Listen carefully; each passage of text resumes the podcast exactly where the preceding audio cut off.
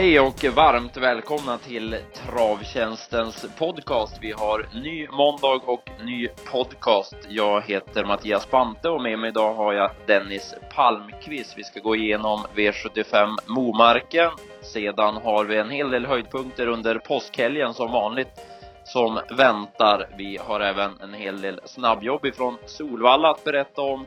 Vi kommer surra lite kring nya upplägget kring Sweden Cup och så har vi ett par tidiga idéer till V86 och V75. Så mycket gå igenom. Nu kör vi bara att hänga med.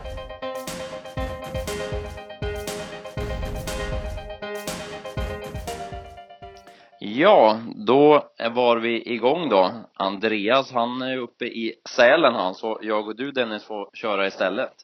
Ja, precis. Och det ska vi väl fixa förhoppningsvis. Vi, vi har ju fördelen att kunna ta om det är något så att det borde vi lösa. Ja. vi har några timmar på oss här så vi får hoppas att det, att det funkar. Ja, så att eh, vi börjar väl som vanligt då. Vi tar V75 och Momarken. Det var ju besök i Norge som gällde lördag så du jobbade för vår del eh, där det blev tipsettan Royal Ice som vann V75 1 men här blev det full körning. Ja precis det var det var full gasning här på på på monterhästen som stod i hundra gånger och det det gynnade våran tipsetta. Ja det blev ju väldig fart på tillställningen när en, en eh, het Ramonas fighter höll tempot utvändigt om Mr Arkansas Rose och eh, ja, väldigt svår situation för Peter Ingves där. Jag förstår att han inte ville släppa till Ramonas fighter men samtidigt så vart det ju en väldig fart på tillställningen istället och ja, båda fick ju tyvärr då krypa ut i bakvägen sedan så att eh, ja, de, de får komma igen de. Ja, precis. Eh, Royal Ice vann ju då sedan efter att eh, Frode Hamre var väldigt offensiv och ändå vred på ja, 1200, 1200 kvar och han gjorde en riktigt bra insats. Ja, det, det måste man verkligen säga och, och även Bartendin som var tvåa bakom som fick som var långt bakom när det var 700 kvar och och hämtade många meter så att den blir väl intressant nästa gång. Ja, det kändes ju som att det var den man tog med sig. Det blev ju eh, fel för, för Johan. Eh, han blev ju hängande ifrån start, fick eh, backa ner och köra invändigt då sedan. Och sen kom han ut i rygg då på Ramonas fighter men blev ju fast där bakom och sen var det ju alldeles för långt fram. Men eh, som du säger borde vara intressant nästa gång. Eh, Cedorf OMF galopperade. Ja, han var väl inte alls sig lik. Han var, var lugnare och och Erik tyckte att han var lite slakare än vanligt och var väl kanske inne på att om det inte var något fel så kanske det inte var så bra för den hästen att gå utan körspö så att Nej, nej precis. Han kanske behöver körspöet för att hålla sig lite mera skärpt och sådär att eh, Ja eh, Någon i övrigt annars du tänkte på bakom sådär? Eh, nej, det var det väl inte här i inledningen utan det var väl Bart Hendin som vi nämnde tidigare då. Ja, precis. Nej, det var väl ganska, ganska så tunt där bakom så att vi tar V75 2 helt enkelt och ja, här var det en ny hare med i loppet om man får säga så. ja, precis. Det var Wizard of Oz som uh, han ryckte ifrån och, och, och körde 50 meter före de andra utan att det såg ut som att hästen var särskilt het så jag vet inte, det kändes väl som en lite tveksam taktik. Ja, nej det får man ju verkligen säga. Det var eh, Nej, han var, han var slagen tidigt han och eh, vi trodde mycket, liksom många andra, på Happy Petter och Åsbjörn Tengsareid och ja, det var en svettig långsida han bjöd på. Ja, och han, han höll ju väldigt bra. Det var ju nära att han höll undan så att eh, eh och även plus till Sheriff B som var med de här två på linjen så att eh, Ja, det var ju också den som, eh, som gjorde ett riktigt eh, bra lopp. Eh, I efterhand så vinner ju Åsbjörn Tengsareid loppet säkerligen om han sitter kvar då i rygg på Sheriff B, men han var han var, han var rätt sugen på att blåsa till dem, men nu blev det istället El Diablo BR som satte dit huvudet sista biten och det är klart Happy Petter tappade travet och hoppade ju efter mål där så att eh, han kunde väl inte köra på honom allt allt vad som gick så att eh, det blev torsk för favoriten helt enkelt. Ja, precis och det var som du säger, han var sugen på långsidan och gav sig på i fjärde spår redan 600 kvar. Det var väl kanske lite väl hett på gröten så att eh, Nej, det straffade sig till slut och annars bakom ja. var det väl rätt tunt lopp det här var. Det var väl inte mycket annat som... Eh... Nej, nej, det var väl Sheriff Bio att ta med sig till nästa gång. Så. Eh, sen var det ett lopp som innehöll en hel del dramatik kändes som. Det var hästar i alla spår kändes det som i kallblåsloppet där Myrfaxen till slut var först på linjen. Men eh, det var dramatik där också.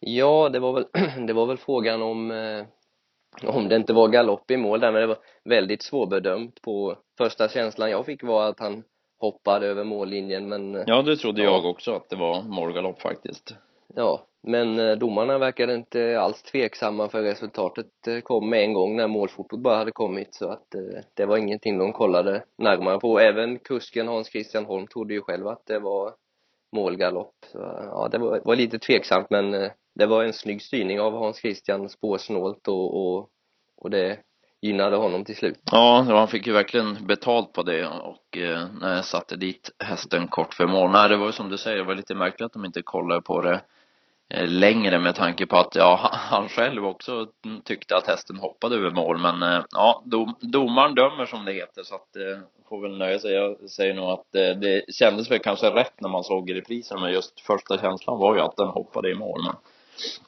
Ja, ja. men precis. Och så får man väl säga att våran spik Moe Svarten gjorde ju ett väldigt bra, han fick ett väldigt tungt lopp och, och var precis slagen på linjen och även lite plus till så Lörsteg då som var tvåa till slut. Ja, det var också en som gjorde ett, ett starkt lopp. Det var ju många bra kallblodd i det här loppet och bakom satt ju en hel drös fast. Det var egentligen alla bakom där som, som, ja. som satt fast. Så att det var äh, bra klass på nordisarna i Norge som, som vanligt får man ju säga. Ja, precis. Det, det är lite av deras starkaste gren, även om de även på varmblodssidan börjar, börjar krypa obehagligt nära oss svenskar så att det, det är bara att se upp för dem. Ja, verkligen. Sen apropå bra klass så fick vi ju se en ruggig avslutning av Friderikus och eh, ja, han, eh, det var lite frågetecken med hur han skulle hantera Momarkens bana och bakspår och runda hästar. Han hade lite problem i kurvorna men över upploppsrakan då gick det undan. Ja, man kan väl säga att han rätade ut de frågetecknen över upploppet för då gick han fruktansvärt fort och, och det blev ju faktiskt ganska enkelt till slut, även om inte det var så lätt för oss att se med den här kameravinkeln som erbjöds. Så att, Nej, vi kan fick ju... man gissa lite. Ja, det var ju, ja, vi kan ju ta lite om det på en gång, apropå kameravinklarna. De var ju smått bedrövliga på Momarken den dagen. Vi, det började ju på lunchen när man fick se dem, det var väl de två eller tre första loppen fick man ju se bakifrån sista hundra. Ja, precis. Och då visste man inte om man hade spelat den som vann eller om man hade spelat den som var åtta i mål. Så att, ja, nej, det var helt, helt hopplöst att veta. Och, ja, jag vet inte, det är 2016 om man inte kan ja, förstå att kameran måste stå på mållinjen och liksom visa, visa vem som vinner därifrån. Ja, det är mycket märkligt. På norsk tv i alla fall, där, där fick de se bra vinklar så att det var nog många som slog över och kollade på det istället.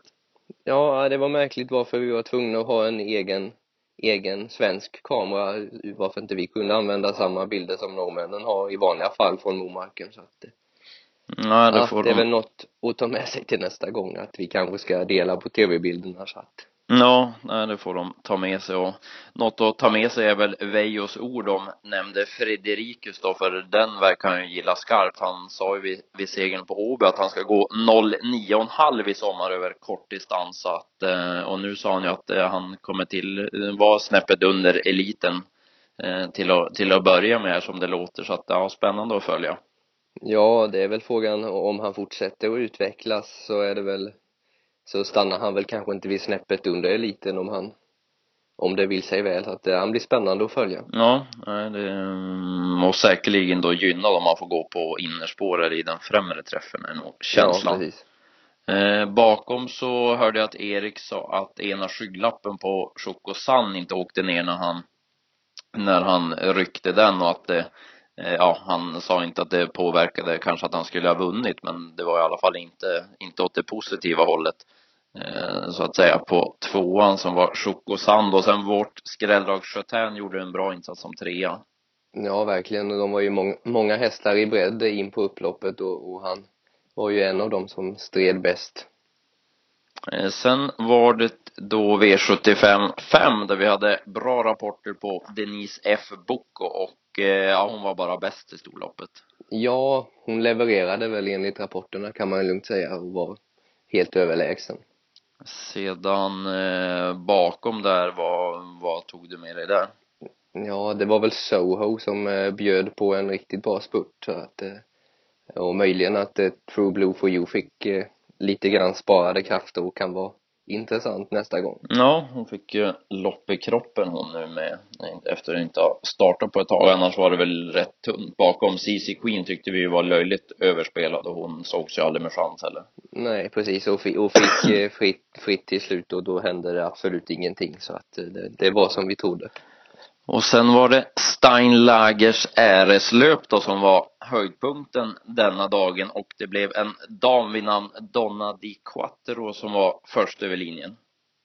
Ja, precis. Och, och världsmästaren pappa E var tillbaka på ovalen och han fick ett eh, tufft lopp direkt så att eh, han höll länge men han sågs väl aldrig riktigt med någon segerchans egentligen. Nej, det var lite knepigt på det viset för eh, det var ju väldigt bra rapporter och tränaren hade ju i stort sett lovat seger så att eh, när han fick ändå en lugn döden som man kan, om man kan säga så, så eh, tänkte man att ja, nu vinner väl han då när han hamnade så pass bra på det. Det var ju mycket spekulation att det skulle bli långt fram och så vidare.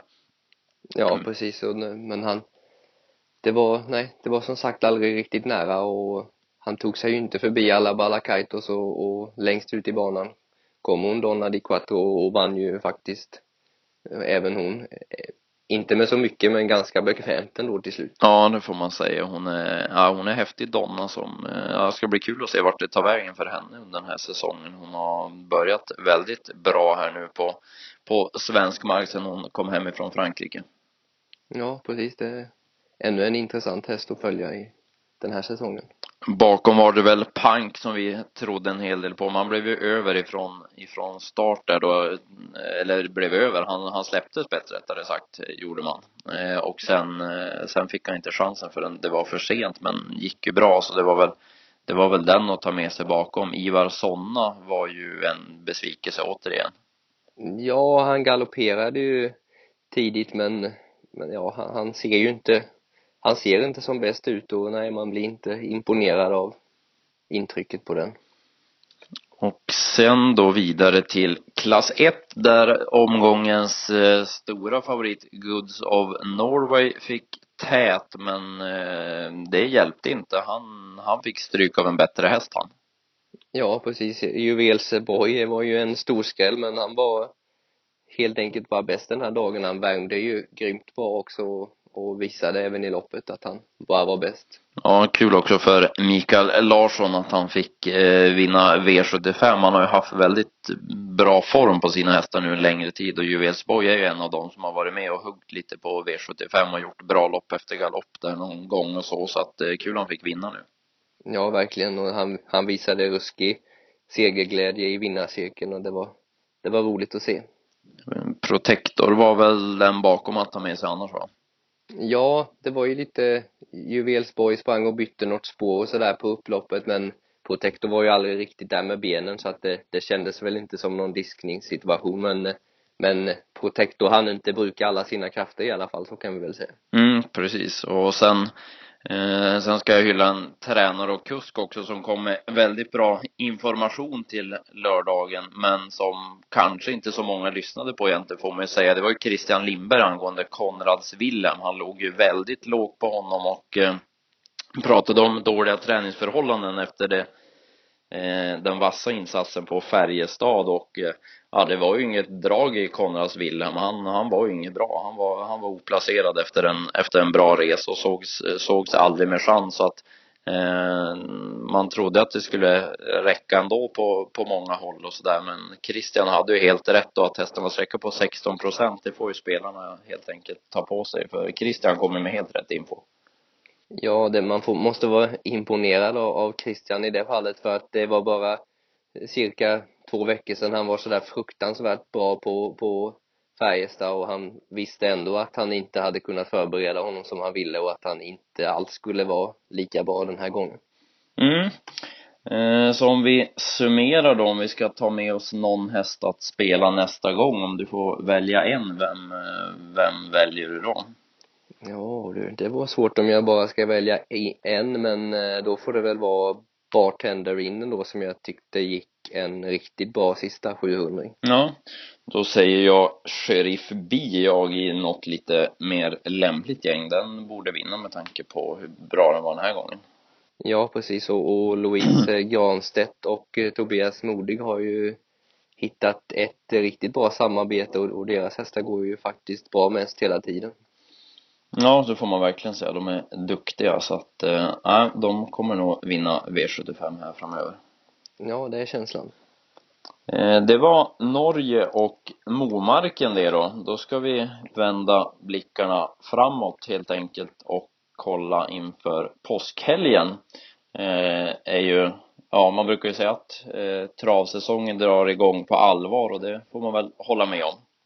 Ja, det är en och annan riktigt bra häst som kommer ut här i påskhelgen så att eh, ja, det blir det blir många timmar på ovalerna och framför tv nästa helg så Ja, verkligen. Det blir, eh, det blir mycket att hålla koll på. Vi kan väl ta de listor som finns lite grann. Vi kan väl börja med fredag. Då är det ju prins Carl Philips jubileumslopp då.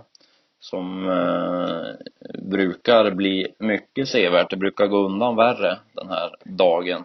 Och ja, precis. Eh, Färjestads bana brukar ju alltid vara snabb och den här dagen så brukar de ställa den riktigt i ordning så att eh. och en som verkar ha ställt i ordning inför det här, det är Daniel Redén som var inne i torsdags och körde jobb med Propulsion på Solvalla. Det gick 12,5 eh, 1600 meter. Och eh, han blir väl favorit han?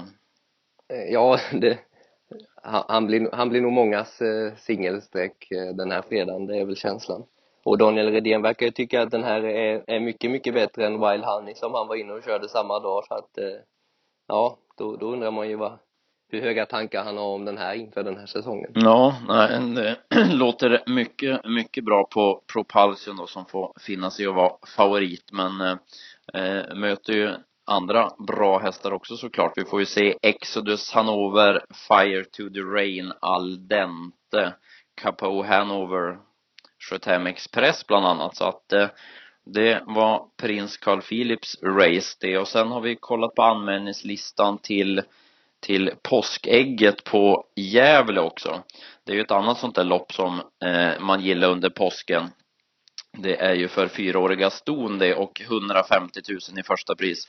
Nu har vi ju inga spår, men i anmälningslistan så finns ju In Totosund, Spoil Me, Tim Bal och nämnde Wild Honey då, så att eh, det lät ju som att man lär åka till Gävle, i alla fall för min del på lördag.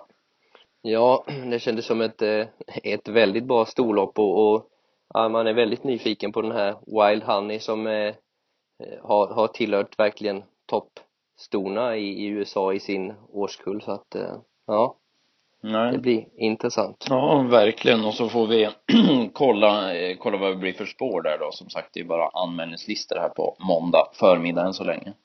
Ja, precis. Det, det kan ju avgöra ganska mycket så.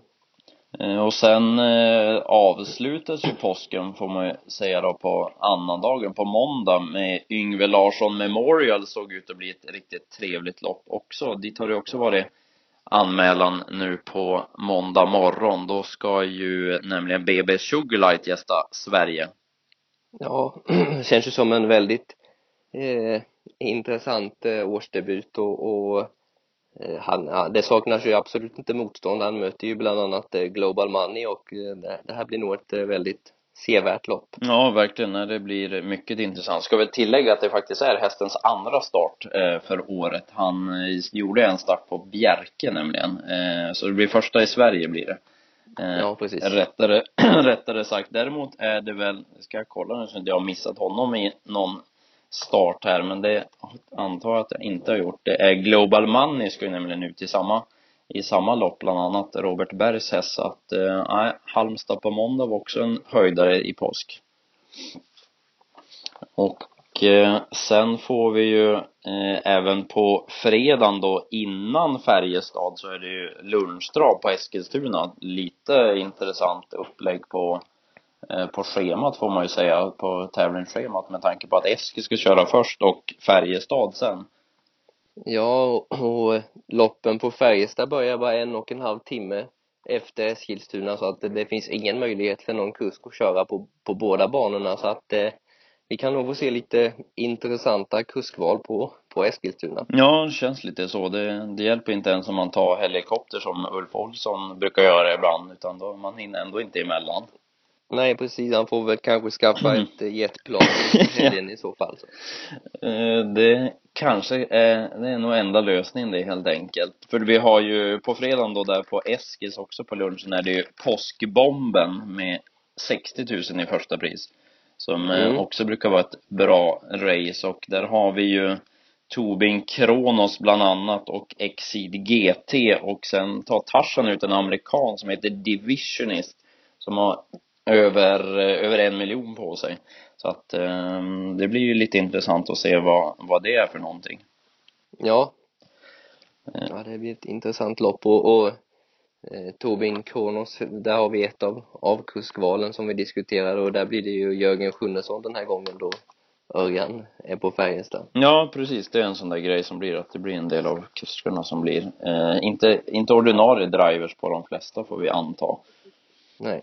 Eh, och sen apropå då just påskbomben så startade även Incognito Toma. Vi hade ju tänkt prata lite om snabbjobb ifrån i onsdags på Valla. Eh, där det var ute en, en del intressanta hästar. Var på Incognito Toma var en av dem. Får man väl klura på spår och grejer om han, eh, om han räcker till mot de allra bästa där. Det är väl frågan. Men jag kan ju nämna hans snabbjobb från i onsdags i alla fall, där vi var på Eh, plats och såg. Det var Martin P Djuse som, som körde jobbet med honom. Mattias Djuse har blivit eh, pappa. Så att eh, det var Martin som körde snabbjobbet med Incognito Toma. Han gick 15,5 1600 meter där jag hade 12 och 7 sista 400 i, i fin stil. Så att eh, han såg ut att vara rätt så eh, rätt så bra i ordning. Sen som sagt får man väl klura på om han räcker mot de allra främsta här och sådär. Men det var ett bra jobb i alla fall. Ja, precis. Och så får vi skicka ett eh, grattis då till brorsan Mattias. Ja, verkligen. Så att, eh, vet inte om, jo han ska köra själv här så att eh, han, eh, han har eh, umgås med, jag tror att det var en dotter, jag blev osäker, men jag tror att det var en dotter. Så att eh, får han eh, köra inkognito Thomas ändå här i påsk. Ja, precis. Och dottern kanske får följa med. Det ska ju börja i tid om det ska bli några nya kuskar så att... Ja, men exakt. Eh, I övrigt då från snabbjobben på Valla så den stora snackisen får man väl ändå säga var fyraårige Fonda Bocco gick i jobb. Eh, enligt uppgift så ska ju Fonda ha testats barfota runt om också i, i jobbet inför lite större uppgifter Eh, som kommer senare under säsongen och det var ju ett mycket häftigt jobb på Fonda Bocco. Det var 14,5 1600 meter med 11,5 sista 500 och det var i mycket, mycket bra stil. Det var, ja det var, det var bästa jobbet på, eh, på Valla i onsdags, det, det kan jag säga och det såg mycket spännande ut och intressant det där med barfota runt om då som det surrades om. Ja, det här är en, en riktigt bra häst och eh, med de här intressanta grejerna och, och ett så pass bra jobb så blir det väldigt spännande. Ja, det ska bli kul att se vart det tar vägen. Det är nog en uppstickare i årgångsloppen. Eh, sen hade vi ju en som utmärkte sig i fjol då eh, bland en av tvååringarna som, eh, som vann ett av de större loppen var ju Dilina som är hos Claes Sjöström var ute och gick eh, banjobb också nu i onsdags. Hon, ja. eh, hon gick 26 1600 meter hade jag på på henne. Då ska det tilläggas att de gick ett eh, snabbare varv sedan, men eh, det var många hästar ute samtidigt så att det blev att eh, ja, man trodde helt enkelt att de hade kört klart där, men eh, det gick en snabbare avslutning sedan och det var väl okej okay på eh, Delina, men inte mer får jag väl trots allt säga, så att eh, ja, eh, eh godkänt, men det var ingen som jag skulle spela i någon årsdebut inte. Nej, vi får väl se. Det är alltid lite svårt med de här som har varit bra som tvååringar, hur de övervintrar fram till treåringssäsongen och det, det är inte alla som som utvecklas åt rätt håll om man säger. Nej, så att, eh, nej vi får väl se helt enkelt, för hon, eh, hon gick ihop med två stallkamrater. Den ena stallkamraten hoppade i sista sväng. Däremot så var det ju en, en ostartad treåring då som var med i samma jobb. Eh, treårigt stod efter From Above som heter Fortune Teller. Eh, det var en mycket fin typ när hon la ner sig över upploppet. Och eh, ja, den, den gillade jag mer än D-Linus och Fortune Teller kan man nog ha lite koll på när hon kommer ut och gör debut. Ja, det kan vara intressant med en liten slant på en debutant som kanske inte blir så jättehårt betrodd beroende på vad hon möter och så vidare. Ja, precis. Och sen i övrigt från snabbjobben så kan du väl nämna att Origo Tilly var ute. Eh, han gick rätt så lugnt. Det var 22 tempo i i jobbet. Han sprang och krummade på, på nacken och såg, såg fin ut men sattes väl inte på några, på några större prov om man så säger. Så det var väl inget, inget jobb att ta med sig annat än att hästen såg, såg fin ut. Däremot så såg Augusta fin ut i ett jobb. Jag hade tyvärr ingen tid på henne. Men eh, hon är ju numera hos Ulrika Wellset också som även har Fonda Bocco då. Och eh, det var fint intryck på Augusta så den ska man nog hålla lite koll på när hon kommer ut. Ja, det är intressant med ny regi där på den. Mm, det var det vi hade ifrån snabbjobben på Valla. Sen har man ju då till slut bestämt sig här nu när man var tvungen att göra, eh, när propositionerna skulle komma och så till Elitloppshelgen så har man ju beslutat hur det ska bli kring Sweden Cup då. Och eh, det har ju varit prat om att man ska göra om Sweden Cup då till i år och så har det ju blivit nu då. Att det, ja. i, istället för, för två, två försök med tio hästar så har man ju nu gjort om och ska ha tre försök med sju hästar i varje helt, helt enkelt. Vad, vad tycker du spontant om det? Ja, det känns ju spontant rätt att göra någonting åt Sweden Cup. Tio hästar i varje försök har ju känts lite kallt va, så att eh, Eh, jag tycker det här är en spännande grej som de gör med sju hästar i varje men däremot tycker jag att de, de två bästa i varje försök skulle gått till final och även den trean som hade den bästa tiden så hade man tvingat till att det blev lite körning så att, eh, och att det även bara var sju hästar i finalen då. Ja, jag köper den idén för det är ju mm, det är nämligen tänkt så nu då att eh, det ska ju vara de, de tre som går vidare så då i finalen ska ju spåren åtta och nio eh, ja, återkomma eller vad man ska säga. Och eh, det känns ju lite konstigt när man i första hand då eh, har, har valt bort de, de sämsta spåren om man säger så att eh, sen hörde jag på um, i sista sväng på ATG Play där Erik Adelsson tyckte inte att det här var något eh, bra upplägg och att det gynnar favoriten att det kanske blir lite tråkigare lopp, att det är mindre hästar och att eh, favoriten kanske kan få en lite lättare väg och så. Och eh, det kan man ju absolut köpa när, när han la fram det argumentet. Ett annat är ju det där att eh, rent spelmässigt så kanske det inte heller blir lika intressant med, med sju hästar i tre försöken av mm, ja, tio hästar. Det är i alla fall mer, mer hästar att sträcka och mer spekulationer oftast då. Ja, och det, men eh, det var lite det som man, man kunde kommit åt det om, om man tvingade kuskarna till att, att köra för den här snabbaste tredje tredjeplatsen så hade det blivit rejäl körning i alla tre försöken och eh, ja, då hade loppen kunnat bli lite roligare trots att det bara är sju hästar i varje då. Ja, vi får skicka med det som en passning till Valla nästa år att eh, kanske, kanske köra med samma men fundera på, på det då istället och då blir det som sagt bara sju i finalen också. Ja. Eh, ja, sen var det då eh, lite tidiga idéer som vi tänkte bjuda på till streckspelen, de, de största här under veckan. Till Färjestad på, på fredag tyckte vi dock att det såg så klurigt ut, så där står vi över helt enkelt. Ja, vi bjuder väl inte på, på någonting där så här tidigt, så det var inte helt enkelt att plocka ut någon sådär given. Mm, nej, det såg, eh, eh, det var eh, bra klass som vanligt men såg väldigt öppet ut. Däremot till, till V86 på onsdag då, där är det ju återigen favoritkombinationen med Åby och Solvalla som kör. Eh, där hade vi ju lite idéer när vi slog upp listorna. Jag har ju en sån eh, nästa gångare som jag har nämnt här i podcasten. Jag blåste väl upp mig rätt rejält på Neon Face efter senast och hon går ut i V86.2 på Solvalla hon. Drog nu ett bakspår, spår 10. Men eh, ja, det är en del gasglada där framme och startsnabba hästar så att eh, trots bakspår på 16.40 så ska man inte spricka på Neon Face på onsdag som hon såg ut senast. Det var ett magiskt bra intryck på Mantorp på henne. Ja, verkligen. Och eh, sen hade vi väl också ett, kanske ett tidigt spikförslag att bjuda på i, i Dizzy River som vi har jagat eh, flera gånger och trots att det är dåligt läge den här gången så är det väl eh, vettig chans på att han ändå kan blåsa till de här till slut. Ja, det kändes ju verkligen så när vi eh, kollade listorna. Det är alltså V86 3 på Åbys nummer 12. Ja, eh, precis. Och det var ju eh, helt rätt distans också nu med, med 2,6 för honom så att eh, Dizzy River var väl tidiga, tidiga spiken här på måndag förmiddag. Um, sen var vi väl eh, sugna på en häst till V75 på lördag, eller jag var i alla fall sugen på en häst till, till lördag. Det är V75 på söndag ska rättas.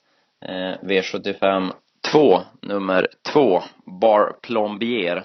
Eh, tycker jag har en smaskig uppgift. Eh, han har ju fått lopp i kroppen nu, borde bli barfota runt om. Och ja, perfekt läge, perfekt distans och även om det är ett par bra emot sig, Lino Lewis lär bli mycket sträckad också så eh, kändes Bar Plombier som den tidiga idén för mig på, på söndag. Ja, och speciellt då när eh, Skellino Lewis drog det sämsta läget så då borgade det ännu mer för Bar Plombier. Ja, eh, nej, så det kanske kan vara ett eh, tidigt spikförslag även där då.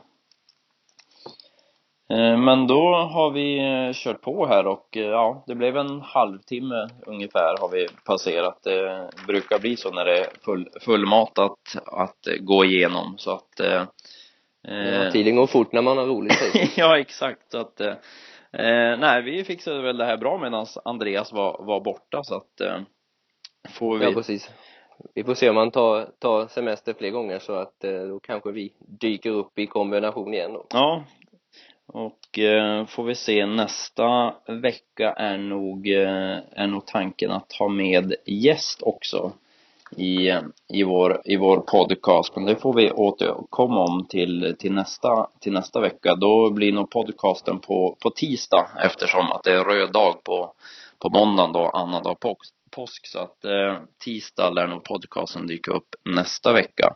Men... Ja, och den, den podcasten lär ju bli full efter eh, påskens alla ägg och, och, bomber och vad det är som dyker upp så att eh, då gäller det att hänga med. Ja, men då summerar vi så. Då tackar jag dig Dennis och så säger vi tack till de som har lyssnat och så önskar vi helt enkelt en glad påsk.